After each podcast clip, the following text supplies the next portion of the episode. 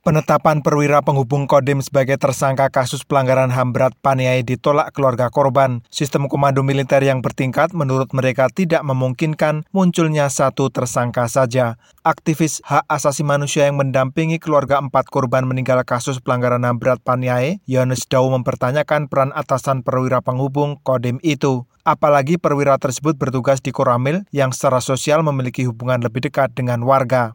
Tidak mungkin dia memberikan komando untuk menembak mati, apalagi dia orang Koramil. Koramil dengan masyarakat itu sangat hubungan itu dekat. Bukan berarti kita membela. Jadi dia tahu kok persis karakter daripada masyarakat me. Mereka datang waita pun juga pasti mereka tidak akan pukul. Keluarga korban, aktivis HAM, dan tokoh agama serta tokoh masyarakat Paniai mengirim surat pernyataan pada 18 Juni 2022 Surat tersebut intinya menolak penetapan hanya satu tersangka untuk kasus pelanggaran HAM berat Paniai yang terjadi pada 7 dan 8 Desember 2014. Direktur Aliansi Demokrasi untuk Papua Latifah Anum Siregar kepada VOA menyatakan dokumen hasil penyelidikan Komnas HAM sebenarnya cukup jelas. Komnas HAM menyebut ada belasan saksi dari TNI, pihak kepolisian dan juga dari masyarakat sipil. Komnas HAM juga menyatakan peristiwa pelanggaran HAM berat Paniai terdiri dari dua peristiwa, yaitu yang terjadi pada 7 Desember 2014 dan 8 Desember 2014 tapi sampai di Kejaksaan Agung kemudian diamputasi kan gitu. Komnas HAM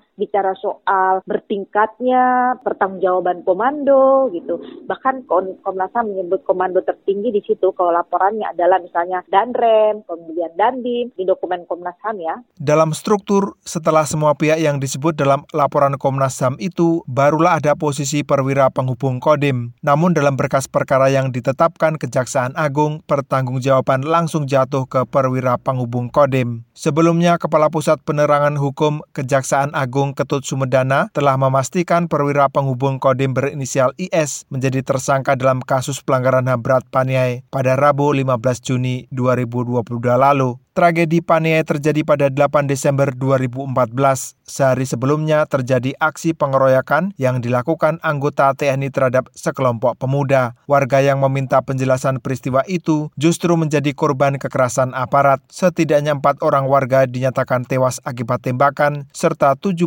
warga luka-luka. Nur Hadi Sucahyo melaporkan untuk VOA Washington.